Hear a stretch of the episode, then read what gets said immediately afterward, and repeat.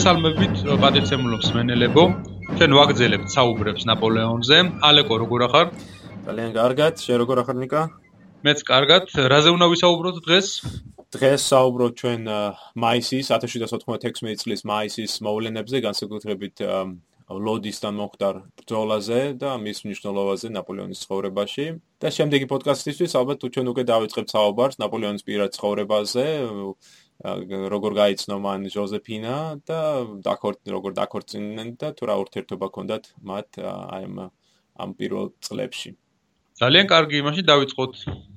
ძია პოდკასტში საუბრისას ჩვენ განვიხილეთ 1796 წლის აპრილის მოვლენები და დავინახეთ თუ როგორ შეძლო ნაპოლეონმა ავსტრიელების და პიედმონტელების გახლეჩვა და შემდეგ ცალ-ცალკე დამარცხება.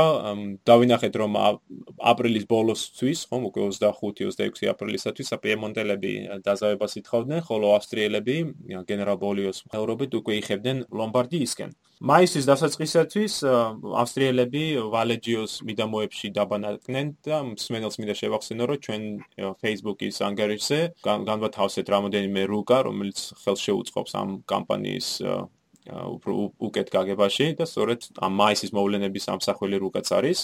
და თუ შეხედავთ ამ რუკას, დაინახავთ, რომ ავსტრიელთა ჯარები განლაგებული იყო სწორედ ქალაქ ვალეჯიოს ირგვლივ, მდინარე პოს გასწრიფ, ასევე მდინარე სეს მდინარეების სესიას და აგონიოს შორის. სწორედ აქ ბოლიოს დიდი იმედი ჰქონდა, რომ მას შეეძლებდა ფრანგების შეჩერებას. საკმაოდ ძლიერ პოზიციებზე და ერთ-ერთი მიზეზი ამ სიცილიერის იმაში მდგომარეობდა რომ აი სწორედ დაბა ვალენცას და პიაჩენცას შორის რაფსულ რამოდენიმე ხიდი არსებობდა რაც უკიდე უფრო აფრკოლებდა მდინარეზე გადასვლას და ავსტრიელები სწორედ ამ ხიდებს აკონტროლებდნენ ნაპოლეონმა პირდაპირ იერის მოწინააღმდეგის პოზიციებზე გარშემოსლა ამჯობინა ჩვენ უკვე ვისაუბრეთ მის ხომ საყვარელ ტაქტიკაზე გზურში გასვლაზე. და მაგრამ ამ შემთხვევაში ისიც იყო გასათვალისწინებელი რომ ფრანგებისათვის აუცილებელი იყო მობილურობა და აი პოზიციურ ბრძოლებზე გადასვლა მათთვის წამგებიანი იქნებოდა ვინაიდან ფრანგებს საკმარისი ჯარი არ არ გააჩნდათ, ხოლო ავსტრიელები იმედოვნებდნენ დამატებით დამხმარე ძალების მოსვლაზე და ანუ აი პოზიციურ ხომ პოზიციურ ბრძოლებზე გადასვლა სწორედ დროს მისცემდა ავსტრიელებს რომ მიიღოთ ეს დამხმარე ძალა. ნაპოლეონმა ამიტომ ამჯობინა სწორი კიდევ ერთხელ ჩაეტარებინა ეს მანევრლე სურ ლა დერიერ, ხომ ეს სურში გასვლის მანევრი.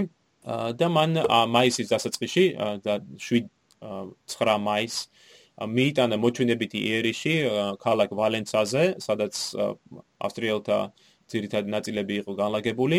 ამ იერიშს წინუძღოდა გენერალი სერუირიე, მაგრამ ეს იყო მოჩვენებითი იერიში. სინამდვილეში ფრანგების ძირითადი ძალა, რომელიც მოიცავდა გენერალების ოჟეროს, მასენას, ლაჰარპის და ბომონის დივიზიებს, ისინი მდინარე პოს გასწრიფ გამართნენ აღმოსავლეთ მიმართულებით, მივიდნენ ქალაქ პიაჩენცაში, სადაც მათ შეძლეს ქალაქის დაკავება, ასევე ხელჩაიგდეს უვნებლად ხიდი, გადავიდნენ მდინარეზე და ფაქტიურად ავსტრიელთა ზურგში აღმოჩნდნენ. ვალენცასთან მდგომი ბოლიო დაიბნა ფრანგების ასეთი მანევრით, მას საკმაოდ უმძიმდა მოწინააღმდეგის მიერ შემოთავაზებული ასეთი სწრაფი ტემპით სამხედრო ოპერაციების წარმოება. ამჯერად ფრანგების თავარსარდლის მორიგი წარმატებული სulis შემდეგ ვოლიომ თავისი არმია ორად გაყო. ერთი ნაწილი გენერალ ლიპტაის მეთაურობით მან პიეჩენცესკენ გაგზავნა ფრანგების წინსვლის შესაჩერებლად, ხოლო მეორე თავისივე ხელმძღვანელობით ჩრდილო-აღმოსავლეთით წაიყვანა ქალაქ ლოდისაკენ, რომელიც მეტად მოხერხებულ ადგილას დემორეობდა და გარკვეულწილად ბუნებრივ თავდაცვის ზღუდეს წარმოადგენდა. თვითონ ქალაქი დინარე ადაზე მდებარეობს. სამწუხაროდ ავსტრიელებისაკენ ნაპოლეონმა შეძლო გენერალ ლიპტაის დამარცხება ფობიოსთან ბრძოლაში 8 მაისს, სადაც მან 2000-ზე მეტი კაცი ჩაიგდო ხელ და რამოდენიმე ასეული კაცი მოუგო კიდევაც ავსტრიელებს, ხოლო დანარჩენები უკუაგდო დინარე ადასკენ. ფობიოს ბრძოლის შემდეგ ბონაპარტს მილანისაკენ მიმავალი გზა ფაქტურად გახსნილი ჰქონდა. მაგრამ ნაპოლეონმა ქალაქის შესვლაზე უარი თქვა და კიდევ ერთხელ გაუსვა ხაზი აი თავის ახალ მიდგომას სამხედრო ოპერაციებისადმი. მისთვის მნიშვნელოვანი იყო არა პოზიციების დაკავება, ციხის იმაგრების ხომ ხელში ჩაგდება, არამედ მისი ძირითადი პრინციპი იყო მოწინააღმდეგის ცოცხალი ძალის განადგურება, რის შემდეგაც ნაპოლეონი ყოველთვის იძახდა ომის ბედი გადაწყვეტილი იქნება. და აქაც აი სწორედ მაისში ის არ აქცეს ყურადღებას არც მილანს, რომელსაც სტრატეგიული მნიშვნელობა კი ჰქონდა, არამედ თავის ყურადღებას სწორედ ბოლიოსკენ აქცევს და მიემართება ქალაქ ლოდისაკენ. ბონაპარტის არმია ლოდისთან მივიდა 10 მაისათვիս, სადაც მას დახვდა საკმაოდ ძლიერი ავსტრიული არიერგარდი, რომელსაც გენერალი სებოდენტორპი მეტაურობდა. სანაპიროზე, დინარე ადეს სანაპიროზე, ავსტრიელებმა განათავსეს დაახლოებით 12000 ქვეითი, 4000-მდე ცხენოსანი, რომელთაც ხარს უჭერდა 20 ზარბაზანი. და ისინი მათ პოზიციებს ამაგრებდა ის ფაქტიც, რომ ისინი განლაგებულები იყვნენ დინარე ადას აღმოსავლეთ ნაპირზე. რომელსაც დასავლეთ ნაპირთან აკავშირებდა დაახლოებით 300 300 მეტრის სიგრძის ვიწრო ხიდი და ფაქტურად იერიშის მიტანა ავსტრიელთა პოზიციებზე შესაძლებელი იყო მხოლოდ ამ ხიდის გადაკვეთით. და ხშირად ას უსვამენ კიდევაც კითხვას თუ რატომ არ დაანგრიეს ან არ დაწეს ავსტრიელებმა ეს დინაზე გადადებული ხიდი, რაც ბუნებრივია პრიად გაურთულებდა ნაპოლეონის საქმეს. აა პასუხი იმაში მდებარეობდა რომ ეს ხიდი სტრატეგიულად მნიშვნელოვანი იყო და აი ავსტრიელებს იმედი ჰქონდათ რომ დახმარე ძალების მიღების შემდეგ ისინი შეძლებდნენ კონტრშეტევაზე გადასვლას და სწორედ ამ ხიდის გამოყენებით ხო გადავიდოდნენ ისევ აღმოსავლეთ ჩრდილო-აღმოსავლეთ იტალიაში მაგრამ ეს რაღაცა თითქოს არა შედგომში ალბათ 1805 წლის კამპანიაზე რო ელაპარაკებთ ვენის ხიდის ამბავს რაღაცას გაგვახსენებს ალბათ თაბორის ხო თაბორის ხიდის მართლაც საინტერესო მომენტი არის. მეტად მეტად საინტერესო და მაგაზე მართლა საჭირო არის რომ ცალკე ყურადღება გავამახვილოთ. რამდენიმე ესეთი მომენტია ხიდის ნაპოლეონის კარიერაში რა ხო მე ყველა მნიშვნელოვანი. ხო მე 1809 წელსაც ხო ვისაუბრებ კიდევ ერთხელ ხილი ხო ასპერნესლინგთან განსაკუთრებით. ასპერნესლინგი მე ვაგრამი მე ბერეზინას ბრძოლა ხიდი ნაპოლეონი და ხიდი. ლეიფციგი. სხვა შორის მე დაიწეროს ერთი კაი სტატია ნაპოლეონი და ხიდები. გადამწყვეტი ხიდები ნაპოლეონის ცხოვრებაზე რა. 1796 წლის 10 მაისს ბონაპარტმა თავისი არმია ხიდის მისადგომებთან დაასვენა, ხოლო თვითონ მოწინააღმდეგის პოზიციები დაზვერა. ცხადია, შეიძლებოდა მოწინააღმდეგისათვის გარშემოვლა და მდინარე სხვა ადგილას გადასულა, მაგრამ ამ სამისოთ მას მოუწევდა საკმაოდ დიდი მანძილის დაფარვა. ახლო-ახლო ხიდები ნამდვილად არ იყო. უახლოესი ხიდი დაახლოებით 80 კილომეტრის დაშორებით იყო სამხრეთით. მაგრამ ნაპოლეონმა გადაწყვიტა იერიშის მიტანა სწორედ მოწინააღმდეგის პოზიციებზე ლოდისთან და ამას რამოდენიმე მიზეზი აქვს. ერთის ხრივ ეს იქნებოდა ხომ აი სტრატეგიულად მნიშვნელოვანი ხიდის ხელში ჩაგდება. მაგრამ აქ უფრო გასათვალისწინებელია ფსიქოლოგიური მომენტი. ავსტრიელები დარწმუნებულები იყვნენ, რომ ეს ძლიერი პოზიცია იყო მათთვის, რომ ისინი შეძლებდნენ მის დაცვას და ნაპოლეონის მხრიდან ამ პოზიციებზე იერიშის მიტანა და თქვა წარმატების მოპოვება მართლაც ძლიერი ფსიქოლოგიური დარტყმა იქნებოდა ავსტრიელთა მხედართმთავრებისათვის, რომელთაც აი მართლაც არ ეკნებოდა იმის შეგრძნება, რომ რომელიმე პოზიცია ან ადგილი იტალიაში მათთვის უსაფრთხო არის. და აი სწორედ ამ ფაქტორის გათვალისწინებით ნაპოლეონმა გადაწყვიტა ლოდისთან ბრძოლის დაწყება. ნაპოლეონმა მდინარის აყოლებაზე ხიდიდან რამოდენიმე კილომეტრის დაშორებით შენიშნა მისმა დაზვერვამ სხვა შენიშნა ფონი და ბრძოლის წინ მან დავალება მისცა გენერალ ბომონს აიღო კავალერიის ნაწილი და გაეკეთებინა ეს საფლანგო მანევრი ამ ფონზე ფონზე გადასვლით და ავსტრიელთა მარჯვენა ფლანგისათვის შეტევა განეხორციელებინათ. ამავე დროს თავისი артиლერია ნაპოლეონმა მდინარის ნაპირებთან მდებარე ხევში განალაგა და საბრძოლო პოზიციებზე უეცრად გამოყვანა გამოსაყვანად მოამზადა. როგორც კი ფრანგმა კავალერისტებმა მდინარის გადალახვა დაიწყეს, ბონაპარტმა артиლერია საფარიდან გამოაგორა და ხელსაყრელ პოზიციებზე განალაგა. ავსტრიელებმა მოწინააღმდეგეს ძლიერი ცეცხლი გაუხსნეს, რის გამოც ფრანგებს ქვემეხების საბრძოლო პოზიციებზე განლაგება მოწინააღმდეგის ცეცხლის ქვეშ უხდებოდათ. артиლერიის და ბრძოლა კარგახანს გაგრძელდა და ორივე მხარე საკმაოდ დაზარალდა. ბოლოს, როდესაც ფრანგმა კავალერისტებმა მოწინააღმდეგის მარჯვენა ფლანგს შეუტიეს, ნაპოლეონმა ხიდის იერიში ბრძანა. თავარსარლის ნიშანზე ფრანგები წამოიშალდნენ, ხიდისკენ გაიქანდნენ, მაგრამ წარმოგიდგენიათ ალბათ ეს ეს ეს ვითარება, ხო ვიწრო ხიდი, საკმაოდ გრძელი და იძულებული ხარ ამ ხიდზე რო გადაირბინო რომ და ამ ამ გესტრიან ზარბაზნები და თოხები ზარბაზნები და 12000 კაცი რო გიშენს ცეცხს სწორედ აქ იყო გაჩაღებული ყველაზე დიდი ბრძოლა. ტრიალთა ზარბაზნები ყველაფერს პობდნენ თვითონ ხიძე რომ არაფერი თქვა ასობით მუშკეტზე რომელიც სწორედ ცეცხს უხსნიდა ხიძე მდგომ ფრანგებს. არაერთი იერიში წამოიწეს ფრანგებმა ამ ხიძე, მაგრამ იძულებულები იყვნენ უკან დაეხიათ და სწორედ გადამწყვეტ მომენტში ნაპოლეონმა გაუძღვა იერიშს, მის გვერდით რამოდენიმე ჯარისკაცი სასიკვდილო დაიჭრა, მაგრამ თვითონ ნაპოლეონი უვნებელი უვნებელი დარჩა და შეტევას მიუძღოდა. თავარსარდლის გმირობით ახრთოვანებულმა ფრანგმა გრენადერებმა შეძლეს ხიდის გადაკვეთა და მოწინააღმდეგე უკუაგდეს ხიდისგან. ხიდზე განცდილმა მარცხმა და მარჯვენა ფლანგიდან ფრანგული კავალერიის შემოტევამ ავსტრიელთა რიგებში არეულობა შეიტანა, რამაც საბოლოოდ წერტილი დაოსვა ლორდის ბრძოლას. ბრძოლის ველზე ავსტრიელებმა დაახლოებით 2000-მდე კაცი და артиლერიის დიდი ნაწილი დატოვეს, მაგრამ ყველაზე მთავარი, როგორც აღნიშნეთ, სწორედ აი ეს მორალური დარტყმა იყო, რაც ნაპოლეონმა მათ მიაყენა. ისე ავსტრიელები თავზარდაცემულები და დაბნეულები იყვნენ. ნაპოლეონისათვის ეს ბრძოლა მეტად მნიშვნელოვანი იყო, იმიტომ რომ თვითონ თუ ჩვენ გადავხედათ მის წერილებს, მის დღიურს, ნაპოლეონს ანიჭებდა რა? დიახ, ნაპოლეონი თვითონ ბრძოლის შემდეგაც კი უკვე რამოდენიმე საათში ეს ბრძოლა როცა დამთავრდა, ფიქრობს თუ რამდენად დიდი ბრძოლა იყო ეს ლოდი და ბრძოლა თვითონ ოდენობით ხო თქვა ჯარისკაცის ოდენობით არ იყო ძალიან დიდი დაახლოებით 30000-მდე კაცი იყო მთლიანობაში ჩაბმული. მაგრამ ბრძოლის სიდიდე იმაში მდგომარეობდა რომ მან დიდი ზეგავლენა იქონია თვითონ ბონაპარტზე. ამ ბრძოლის შემდეგ როგორც თვითონ წერს მას ღამე არ ეძინა ბევრი უფიქრია მომხდარის შესახებ ბრძოლის შედეგებზე საკუთარ ბედზე მომოვალზე სწორედ ამ მომენტში ის თავის თავს კითხოს უსვოს თუ როგორ გადარჩა თქვა და ამ ბრძოლაში, ამ ბრძოლ ხიძე გადარბენისას, როდესაც ამდენი ადამიანი მის ირგვლივ ფაზიკულ დაიჭრა თუ მოკვდა.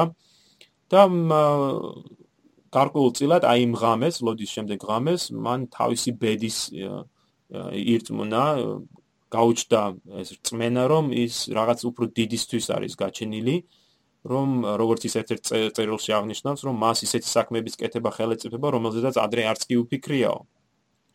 სწორედ ლოდის შემდეგ მის შეგნებაში დიდი ცვლილება ხდება, რომელსაც იგი თავდაჯერებულობა შემატა. ხო, აი და თავჯერებულობას მართლაც მატებს. სხვანაირად შეხედა თავის თავსაც. მისი ჭაბუკობა, აი ეს ხომ იმედგაც იმედგაცრუებით, დამარცხებებით, წარუმატებლობებით იყო სახსე. და ეს 10 წელი ყველა იმედით უოცნება უცრუვდებოდა, 10 წელი ბედიღბალს ებრძოდა, მაგრამ ეხლა სწორედ აი ამ ლოდისთან თითქოს განგებამ დაფარა და გამარჯვებისკენ ხომ მიიყვანა. და შემდეგ უკვე წმინდა ელენეს კონძულზე ყოფნისას ნაპოლეონი აღნიშნავდა რომ ვანდემიერი და მონტენოტეც კი არ მაგულიანებდა. ჯერ კიდევ ჩემი თავი არაჩვეულებრივი ადამიანად მიმეჩნია. მხოლოდ ლოდის შემდეგ დამებადა აზრი რომ მე შემეძლო პოლიტიკურ სარბიელზე მნიშვნელოვანი პირი გამხდარიყავი დიდების მოყვარეობის პირველი ნაბეჭკარი სწორედ მაშინ ამენთო. სწორედ ლოდის შემდეგ საღამოს მე ვირწმუნენ ჩემი თავი როგორც არაჩვეულებრივი ადამიანი და გავიმსჭვალე დიდების მოყვარეობით იმ დიადი საქმეების შესასრულებლად, რომელიც აქამდე ფანტაზიად მეჩვენებოდა. მაგრამ ყოველივე ამასთან ნაპოლეონს მეორე აზრიც დაებადა. თუკი ამდენი შეძლებია, თუკი ამხელა პოტენციალი აქვს, თუკი შეუულია ეს ლოდისნაირი გაბრძვების მოპოვება, მაშინ რა საჭიროა აი ესეთი ესეთი მთავრობის, ესეთი ხელისუფლების სამსახურში ყოფნა, რომლის მიმართ მას არანაირი პატივისცემა არ გააჩნდა. რა საჭირო არის მოისმინო ბრძანებები უსაკმური და რეგვენი პარიზელი დირექტორებისო, ერთ-ერთ წერილში ის აღნიშნავს. მას როდემდე უნდა მოითფინოს მან ასეთი ყოფნა. და სწორედ აი ლოდინან დაწყებული ჩვენ ხედავთ აი პოლიტიკურ ჭიას, ხო, პოლიტიკურ ამბიციას, რომელიც ნაპოლეონს ღრნის. ამავე დროს უეჭველია რომ ნაპოლეონი იტალიური კამპანიის პერიოდში ჯერ კიდევ რესპუბლიკელი იყო. თავარსარდლის ბრძანებები, ადგილობრივი მოსახლეობის მიმართ მოწოდებები, ოფიციალური თუ პირადი მიმოწერა იტალიაში განხორციელებული ღონისძიებები ყოველივე ეს ნახეთ მოწმობს ამას.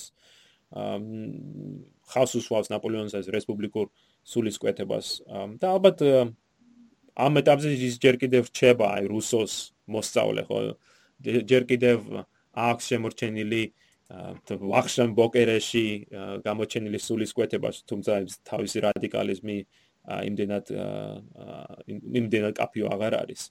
მაგრამ განსხვავება ის არის ამ შემთხვევაში რომ ნაპოლეონის ურთიერთობა დირექტორიასთან თანდათანობით იძაბებოდა ფორმალურად ყველაფერი რიგზე იყო. დირექტორია ითხოვდა ნაპოლეონი ასრულებდა. მაგრამ აი ლოდის შემდეგ ჩვენ ვხედავთ მათ შორის თანდათანობით დაძაბულობის ჩამოყალიბებას 1796 წლის 20 მაისს ნაპოლეონის ბრძანებით იტალიური არმიის ყოველ მოსამსახურეს ჯამაგირი გაეზარდა რომლის ნახევარ ნახევარს ოქროს ფულით გასცემდნენ ასეთი რამ მეტად უჩვეულო იყო რესპუბლიკის პირობებში როდესაც ძალიან ბევრ ჯარისკაც სხვა შორის სხვა სხვა ჯარში განსაკუთრებით გერმანიის გერმანულ ფრონტზე მებრძოლ ჯარებში რამოდენმე თვიანი დავალიანება ჰქონდათ კიდევაც. ნაპოლეონმა ეს გადაწყვეტილება თვითონ გააკეთა თვითნებურად. არც კი უფიქრია ამის ნებართვის მოპოვება დირექტორიისაგან. და სწორედ ამაში არის აი ახლა ხედავ ჩვენ აი თავნებობას ნაპოლეონის მიერ გამოჩენილ უფრო დიდ ამბიციას. დირექტორიას პირველი ხო უკვე აა ესე ვთქვათ თითქოს კონსული და იმპერატორი ჩანს უკვე ამ პერიოდიდან რა იწყებს ნაბიჯების გადადგმას ძალაუფლებისაკენ ნაპოლეონი და უკვე თავის ნებაზე მოქმედებს ერთპიროვნულ ძალაუფლებისკენ სწრაფა დაიწყო. და დირექტორიას ბუნებრივია უამრავი სარდალი ყავდა, მაგრამ აი ნაპოლეონის ნაირი წარმატებული 96 წელს არც ერთი არ იყო. და დირექტორია ამიტომ ცოტა უხერხულ მდგომარეობაში აღმოჩნდა. ერთის ხრივ ის მოხარული იყო, რომ ბონაპარტე ასე წარმატებული იყო, მაგრამ ამავე დროს მეტად საგონებელში იყო ჩავარდნილი იმით, თუ როგორი დამოუკიდებელი ხდებოდა ნაპოლეონი თავის ქმედებებში.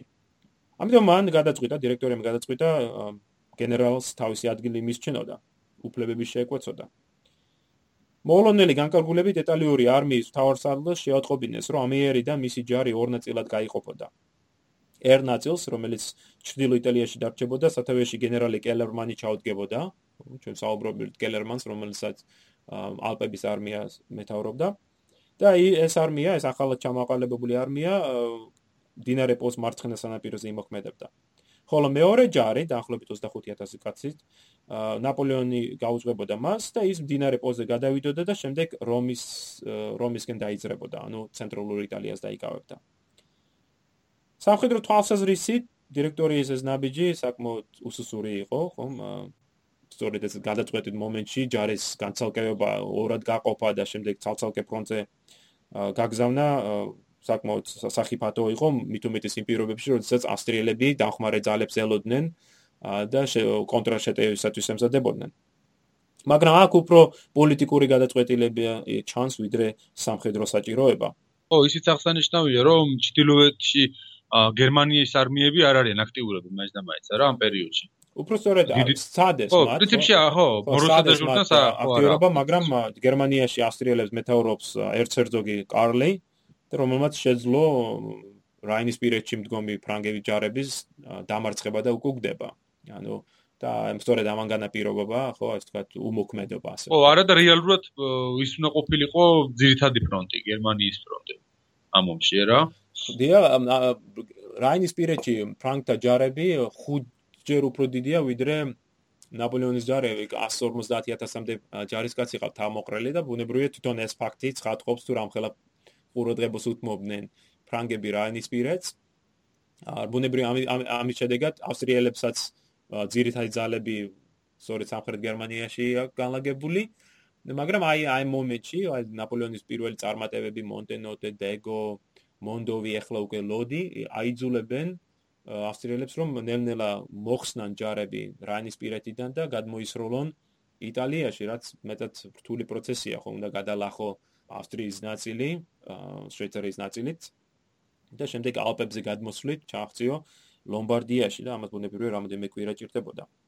მოდი ახლა დაუბრუნდეთ აი ამ საკითხს ხომ აი განცალკევების საკითხს. მიზანი ამის ნაპოლეონმაც მიწერა რა დირექტორიას პროტესტი ამ ხო მიზანი ხო თქვა ის არის რომ ნაპოლეონის ძალაუფლებაში ასუსტონ ჩააბარონ მას უფრო სუსტი ჯარი და ამით თქვა შეკვეცონ მისი ეს დამოუკიდებელი ქმედებები. მონაპარტმა უმალვე უპასუხა დირექტორიას, მისი წერილი მეტად საინტერესო არის და ალბათ ღირს მის საკითხვა. მე ვთვლი რომ ზარზე წინ დაუხედავი ნაბიჯი იქნება იტალიაში მოქმედი არმიის ორ ნაწილად გაყოფა. ასევე რესპუბლიკის ინტერესების საწინააღმდეგო იქნება მისი სარდლობის ორ გენერალზე გადანაწილება. იტალიაში საჭიროა ყავდეთ ისეთი სარდალი, რომელსაც სავსებით ენდობი. თუ ასეთი მე არ ვიქნები, ჩივილს არ დავიწყებ. ომს ყველა თავისებურად უძღვება. გენერალი კელერმანი ჩემზე გამოცდილია და ალბათ უკეთ გაუძღვება საქმეს, ვიდრე მე. მაგრამ ორივე ერთად ცუდის მეც ვერაფერს გავაკეთებთ.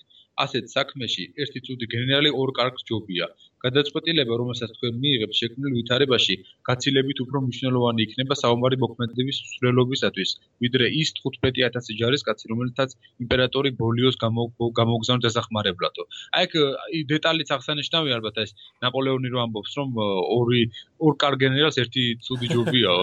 ზუსტად. აა პრინციპში მართალიც არის, იმიტომ რომ ყოველთვის იწევს ეს მრავალი ერთი წოდების გენერლის ყოლა არმიაში გაუგებრობას და მათ შორის დაპირისპირებას ერთი კონკრეტული მიზანი აღარ ამოძრავებს ესეთ არმიას და იშლება მათი აზრი და ნაპოლეონი როგორც ისტორიის მოსწავლე დარწმუნებული ვარ ამ ამ წერილის დაწერისას ფიქრობდა თქვა კანების ბრძოლაზე, ხო? ორი აი ვარონსა და პაულუს შორის განაწილებაზე. რა რა მოიტანა, ხო? თქვა მათმა დაპირისპირებამ და შეუთანხმობამ. და სწორედ აი ეს ერთი ძალაუფლების კონცენტრირება, ხო, აი ეს ცენტრალიზება იქნება ნაპოლეონის ერთ-ერთი ძირითადი პრინციპი, როდესაც ის არა მარტო ომიანობის დროს, არამედ თვითონ პოლიტიკაშიც შემდგომში უკვე როგორც პირველი კონსული ხელისუფლების ჩამოყალიბებისას იგი სწორედ აი ცენტრალიზირებას აქცევს ყურადღებას და ჩვენ კიდევ ვისაუბრებთ თქვა მის ადმინისტრაციულ რეფორმებს, რომელმაც აი საფუძველი ჩაუყარა დღევანდელ საფრანგეთის საადმინისტრაციო სისტემას, ხო?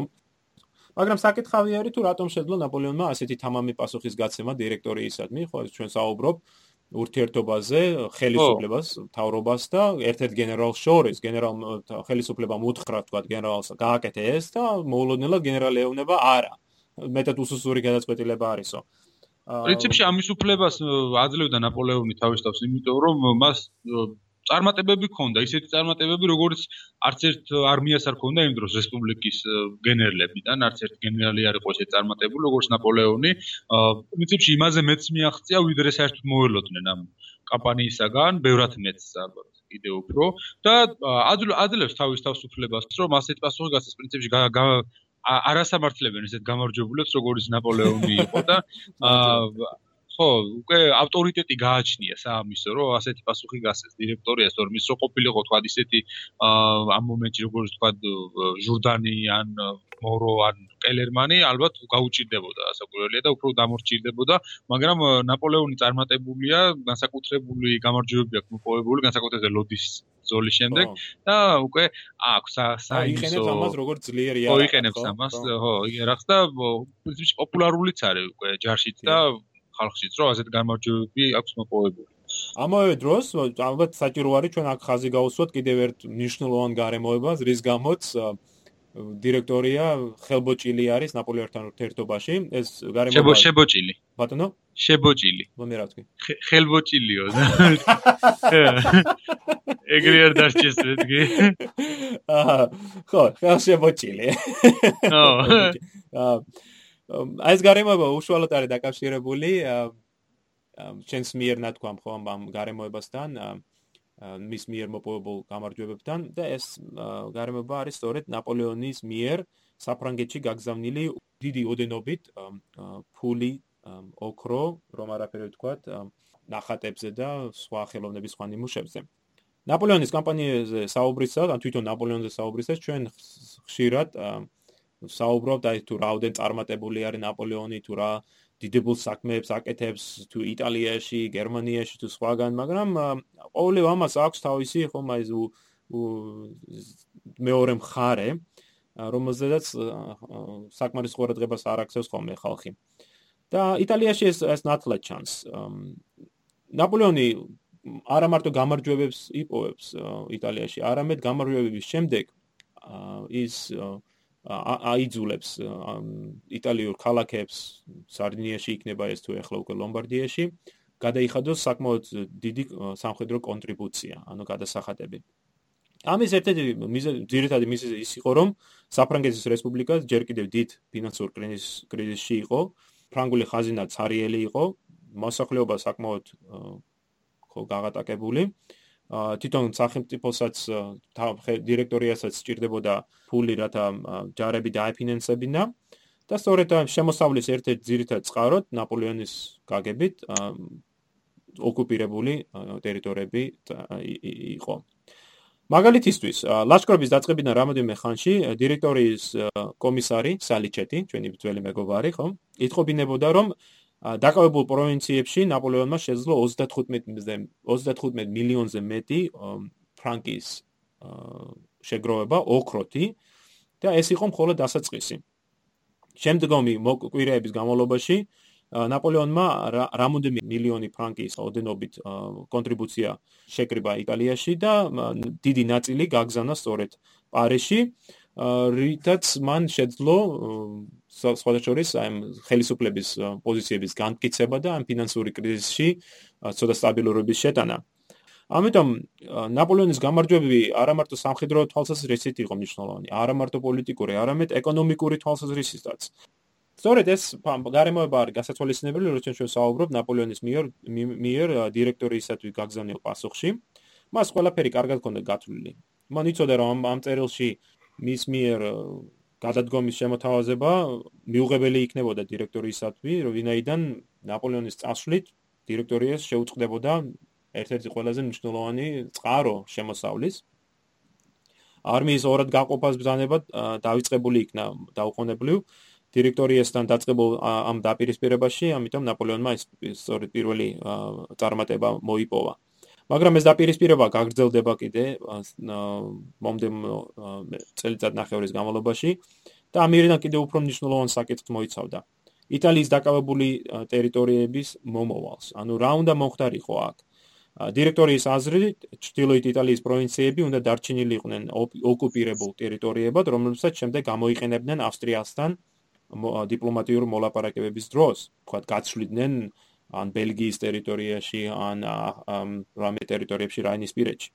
დირექტორიისგან განსხვავებით ნაპოლეონი სხვა აზრის იყო. მას მიეჩნდა, რომ ფრანგები უნდა დარჩენილიყვნენ იტალიაში და არა მარტო დარჩენილიყვნენ, არამედ სრული რეორგანიზება მოეხდინათ ამ ადგილობრივი წესწყობილების, ხელისუფლების, შემოეტანათ ფრანგული რევოლუციური სულისკვეთება, რევოლუციური რეფორმები, დაეწესებინათ ახალი ხელისუფლება.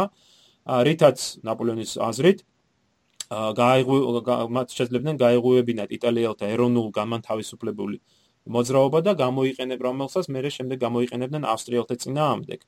და აი ეს დაპირისპირება ორ აზრთა შორის ნათლ გამოვლინდება ჩემ მომდენო რამოდენიმე თვის განმავლობაში. 1796 წლის 15 მაისს ფრანგული ჯარი ლომბარდიის დედაქალაქში მილანში შევიდა. გამარჯვებული შესახვედრად ქუჩებში ძალიან ბევრი ადამიანი გამოეფინა. ნაპოლეონის აზეიმოდ გაატარეს მილანის ქუჩებში და მის საპატივცემლოდ ადგილობრივი ეროვნული გვარდიის მთელი შემადგენლობა გამოიყვანეს აღლუმზე. ფრანგი ჯარისკაცები აღტაცებას ვერ ფარავდნენ, დიდებული ქალაქი, თბილი შეხვედრა, ულამაზესი ქალები, სურსათი, დასვენება, სხვა რაღა უნდა და ბრძოლებში დაღლილ დაქანცულ მეომრებს.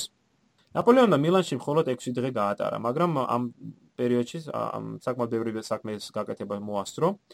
პირველ რიგში მან არმიის მომარაგების და აღჭურვილობის საქმის გამოსწორება მიიღო ხელი. მისი ბრძანებით, შესაბამის სამსახურები დღე-ღამე ასწორებდნენ, რათა შემოეპოვებინათ საკმარისი სურსა სანოვაგე, მიეცათ ჯარისათვის ახალი ტანის ამოსი და აღჭურვილობა. გასაკუთრებული ყურადღება დაეთმო артиლერიის და კავალერიის მდგომარეობას. აა აი განსაკუთრებით კავალერია ფრანგების სუსტი წერტილი იყო და სწორედ აი ლომბარდიაში ყოფნის პერიოდში მათ შეძლეს ახალი ცხენების მოპოვება და კავალერიის შევსება. არმიის გამგომრების გამარჯვების გარდა საჭირო იყო ასევე იტალიაში დასახრდენის საფუძვლის შექმნა და ლომბარდიაში პროფრანგული ორიენტაციის ხელისუფლების დაფუძნება. ნაპოლეონმა სწორედ აი ამ მომენტში, მაისის ხო შუა რიცხვებში გამოიჩინა თავისი პოლიტიკური ამბიციები და მან დაიწყო მილანში ახალი ხელისუფლების ჩამოყალიბება. სწორედ მილანში ყოფნისას მან გამოსცა მეტად საინტერესო ბიულეტენი საკმაოდ ცელი ბიულეტენი არის, მაგრამ ძალიან საინტერესო ენით არის დაწერილი და ეს სულის კვეთებით, რომელიც წარმოსახავს ნაპოლეონის, ხო ვთქვათ, მიდგომას იტალიისადმი. რაც თავარიან ბიულეტინში ჩანს ნაპოლეონის ფსიქოლოგიური მიდგომა, როგორ მიდგომა მიაჩნდა სწორად და პრინციპში წარმატებასაც აღწევდა ამ მიდგომით, აი ნახეთ როგორი ტონით არის დაწერილი, უბრალოდ. ჯარისკაცებო, როგორც ბობოქარი ნიაღვარი, ისე დაეშვით თის წერვალებიდან ამ გაშლილი ველებისაკენ. წერდა ის ამ მართვაში, ვერაფერმა თქვენს ბოლას ვერ გაუძლო. ყველაფერი დაიმსხვრა და დაინგრა, რამაც გაბედა წინ აღდგომოდათ. პიემონტი საფრანგეთს ამოუდგა გვერდში. მილანი თქვენია, მთელს ლომბარდიაზე რესპუბლიკის დროშა ფრიალებს. ხოლო თუ პარმამ და მოდენამ პოლიტიკური არსებობა შეინარჩუნეს, ეს მხოლოდ თქვენ დიდსულოვნების გამო მოხდა. არმიები, რომლებიც ცოტა ხნის წინ ასე ამაყად კვირდებოდნენ განადგურებას, დღეს ისე გარბიან თქვენს წინაშე, რომ შესაძლებელი ადგილიც ვერ უპოვიათ. ვერც პომ, ვერც ტიცინომ, ვერც ადამ, იტალიის ამ მარადიულმა დამცველმა ჯებირებმა ვერ შეძლეს თქვენი შეჩერება, რადგან თქვენ ისე სწრაფად გადალახეთ ისინი, როგორც სწრაფადაც გადმოავლეთ აპენინების ქედი. ჯარისკაცებო, თქვენ ბევრს მიაღწიეთ, მაგრამ განაგასაკეთებელი აღარაფერი დაგჭათ, განავათქმევინებთ ჩვენ ვინმეს, რომ ამ ხალხს გამარჯვების მოპოვება შეუძლიაო, მაგრამ არ სოდნია მისი შედეგებით სარგებლობაო. გამარჯვებული საფრანგეთი ევროპას ღირსეულ მშვიდობას მოუტანს, რომელიც ჩვენი ხალხისთვისაც იქნება სათანადო ჯილდო, შეწირული მსხვერპლისა და გაწეული ძალისხმევისათვის. როცა თქვენ სამშობლოში დაბრუნდებით, ხალხი აღფრთოვანებული შეგვხდება და სიამაყით იტყვის: ეს ჯარისკაცი იტალიურ არმიაში იბრძოდაო. როგორი სული კვეთებაა, ხო?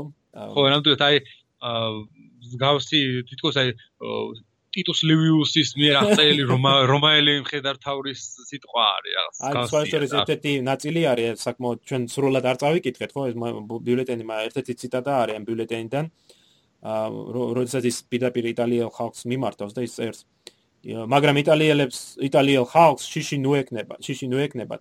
ჩვენ ყველა ხალხის მეგობრები ვართ და მეტადრე ერთგული მეგობრები ბრუტუსების და სციპიონების შთამომავალთა და აგრეთვე იმ დიდ ადამიანთა შთამომავლებისა, რომელნიც ჩვენ სამაგალითოდ მიგვაჩნია. კაპიტოლიუმის აღდგენა იქ იმ გმირების ქანდაკება და დადგმა, რომელთაც კაპიტოლიუმი ასახელეს, მრავალი საუკუნეების მონობით გაშეშებული რომაელი ხალხის გამოღვიძება, ასეთია ჩვენი გამარჯვების ناقოფი. იგი ეპოქას შექმნის ისტორიაში. თქვენ მიგეკუთვნებათ უკთავის სახელი, რომ სახე შეუცვალეთ ევროპის ყველაზე უფრო უმშვენიერეს მხარესო. ო აი ნახეთ ან ხო რესპუბლიკური მეებს ახსენებს რომის რესპუბლიკის პერიოდის აა გმირებს და პერიოდს და არა თქვა იმპერიას არ ეხება რომის იმპერიას ის არც არც იმპერატორს ხო ჯერჯერობით ამ საკითხზე დუმსდა მე აუგუსტუსი ვიტკი გამოასახინა თავის თავის და დაჭირდა. აა ლომბარდიაში ბონაპარტის ალიჩეძის დახმარებით ყველა მხრივ უჭერდა მხარს აკაური რევოლუციური ძალების და მათი პროფრანგული მიმართულებების გაძლიერებას. მილანში ყოფნისას ნაპოლეონის ხელშეწყობით დაარსდა თავისუფლებისა და თანასწორობის მეგობრების კლუბი. არჩეული იქნა ქალაქის ახალი მუნიციპალიტეტი, გამოიცა ახალი გაზეთი ჟურნალე დელ პატრიოტი დი იტალია, რომლის თავარი ლოზუნგს იტალიის გაერთიანება და რესპუბლიკად ქცევად წარმოადგენდა. ქალაქში ყოფნისას ნაპოლეონმა ასევე შეამჩნია, რომ იტალია რევოლუციონერები ორ ძირითად მიმართულებად იყოფოდნენ: იაკობინელებად, რომელთაც ისეთი პირები ხელმძღვანელობდნენ, როგორც იყო პორო, სალვადორო, სელბელონი და ზომიერები, რომელთაც ესეთი პირები ხელმძღვანელობდნენ, როგორც იყო მელცი, ვერი, რესტა. მაგრამ ორივე მიმართულებისათვის საერთო იყო ლომბარდიის განთავისუფლებისა და დამოუკიდებლობის მოპოვების მისწრაფება. ნაპოლეონმა დაუყოვნებლივ აცნობა ამის შესახებ დირექტორიას და შესაბამისი ინსტრუქციები მოითხოვა იმ შემთხვევისათვის, თუ ლომბარდიის მოსახლეობა რესპუბლიკის შექმნას მოითხოვსო. ეს არის საკითხი, რომელიც თქვენ და გადაწყვიტოთ და თქვენი შეხედულებები მაცნობოთო, წერდა ის. ეს ქვეყანა უფრო პატრიოტულია ვიდრე პიემონტი და უფრო მომწიფებულია თავისუფლებისათვის ვიდრე სხვა იტალიის სხვა რომელიმე ნაწილიო. 1796 წლის 22 მაისსათვის იტალიურმა არმიამ თავის სადგომები აყარა და მილანიდან აღმოსავლეთით გაეშურა ნაპოლეონმა ახალი კამპანია წამოიწყო გენერალ ბოლიოს წინააღმდეგ რომელიც ამ დროისათვის მანტუასთან იყო გამაგრებული. ლოდისთან დამარცხების შემდეგ ავსტრიელებმა როგორც ვთქვით დაიხიეს აღმოსავლეთის მიმართულებით და მდინარე მინჩიოზე გამაგრდნენ ჯერ ო დაატოვებდნენ ნაპოლეონმა ახლა მინჩიოზე გადავიდნენ ა მინჩიოზე ნუ ისეთი პოზიციები აირჩია ეხა ბოლიომ როგორც თავი დაეცვა ფრანგების შემოტევისაგან მოეგერიებინა. განსაკუთრებით ახსენებია ქალაქი მანტუა. რომელიც ძველი და ძლიერი ციხესიმაგრეა და ქალაქი ტბებითა და მდინარე მინჩიოს ჭაობიანი ველებით არის გარშემორტყმული. ამ გარემოებების გამო რთული მისავალი მისასვლელი იყო ეს ადგილი. განსაკუთრებით ახლა როდესაც მას განსაკუთრებული ფორტიფიკაციები იცავდა და ჯარი იყო განლაგებული აქ ძალიან რთული იყო ამ ციხესიმაგრის აღება. და ბოლიომ თავისი არმიის მარცხენა ფლანგი სწორედ ამ ქალაქს ამ ქალაქთან განალაგა ხოლო მარჯვენა ფლანგი გარდის ტბასთან განალაგა ქალაქ პესკიერასთან ხოლო ცენტრი თვითონ მდინარე მინჩიოზე იყო, მინჩიოს გასწრები იყო galagებული და თავდაც ახალი ზღუდის შექმნაზე ფიქრობდა. ბოლიო, ხედავთ აქ რომ ნაპოლეონის სტრატეგია რამდენად განსხვავებულია ავსტრიელი ხედავთავრების ზოგადად მოქმედებებისაგან და დაიწყო ხა შეირაღების საკითხი, ამუნიზის საკითხი, ბევრი რაღაცა ქონდა მოსაგვარებელი ავსტრიელებს, თუმცა საერთო ჯამში მათ შეძლეს ამ კამპანიისათვის მომზადება იმ რესურსებით, რაც ამ დროისათვის გააჩნდათ და მალე მათ დაპირისპირება მოუწევდათ ბონაპარტთან და ხელახლა გამართებოდა მათ შორის ისევ ისეთი ბრძოლა, როგორიც იყო დინარე პოს გადალახვის შემდეგ და მილანის აღებამდე. თუმცა ამას შემდეგ პოდკასტში განვიხილავთ ჩვენ და ნახავთ უკვე როგორ განვითარდა მოვლენები მილანის დაკავების შემდეგ.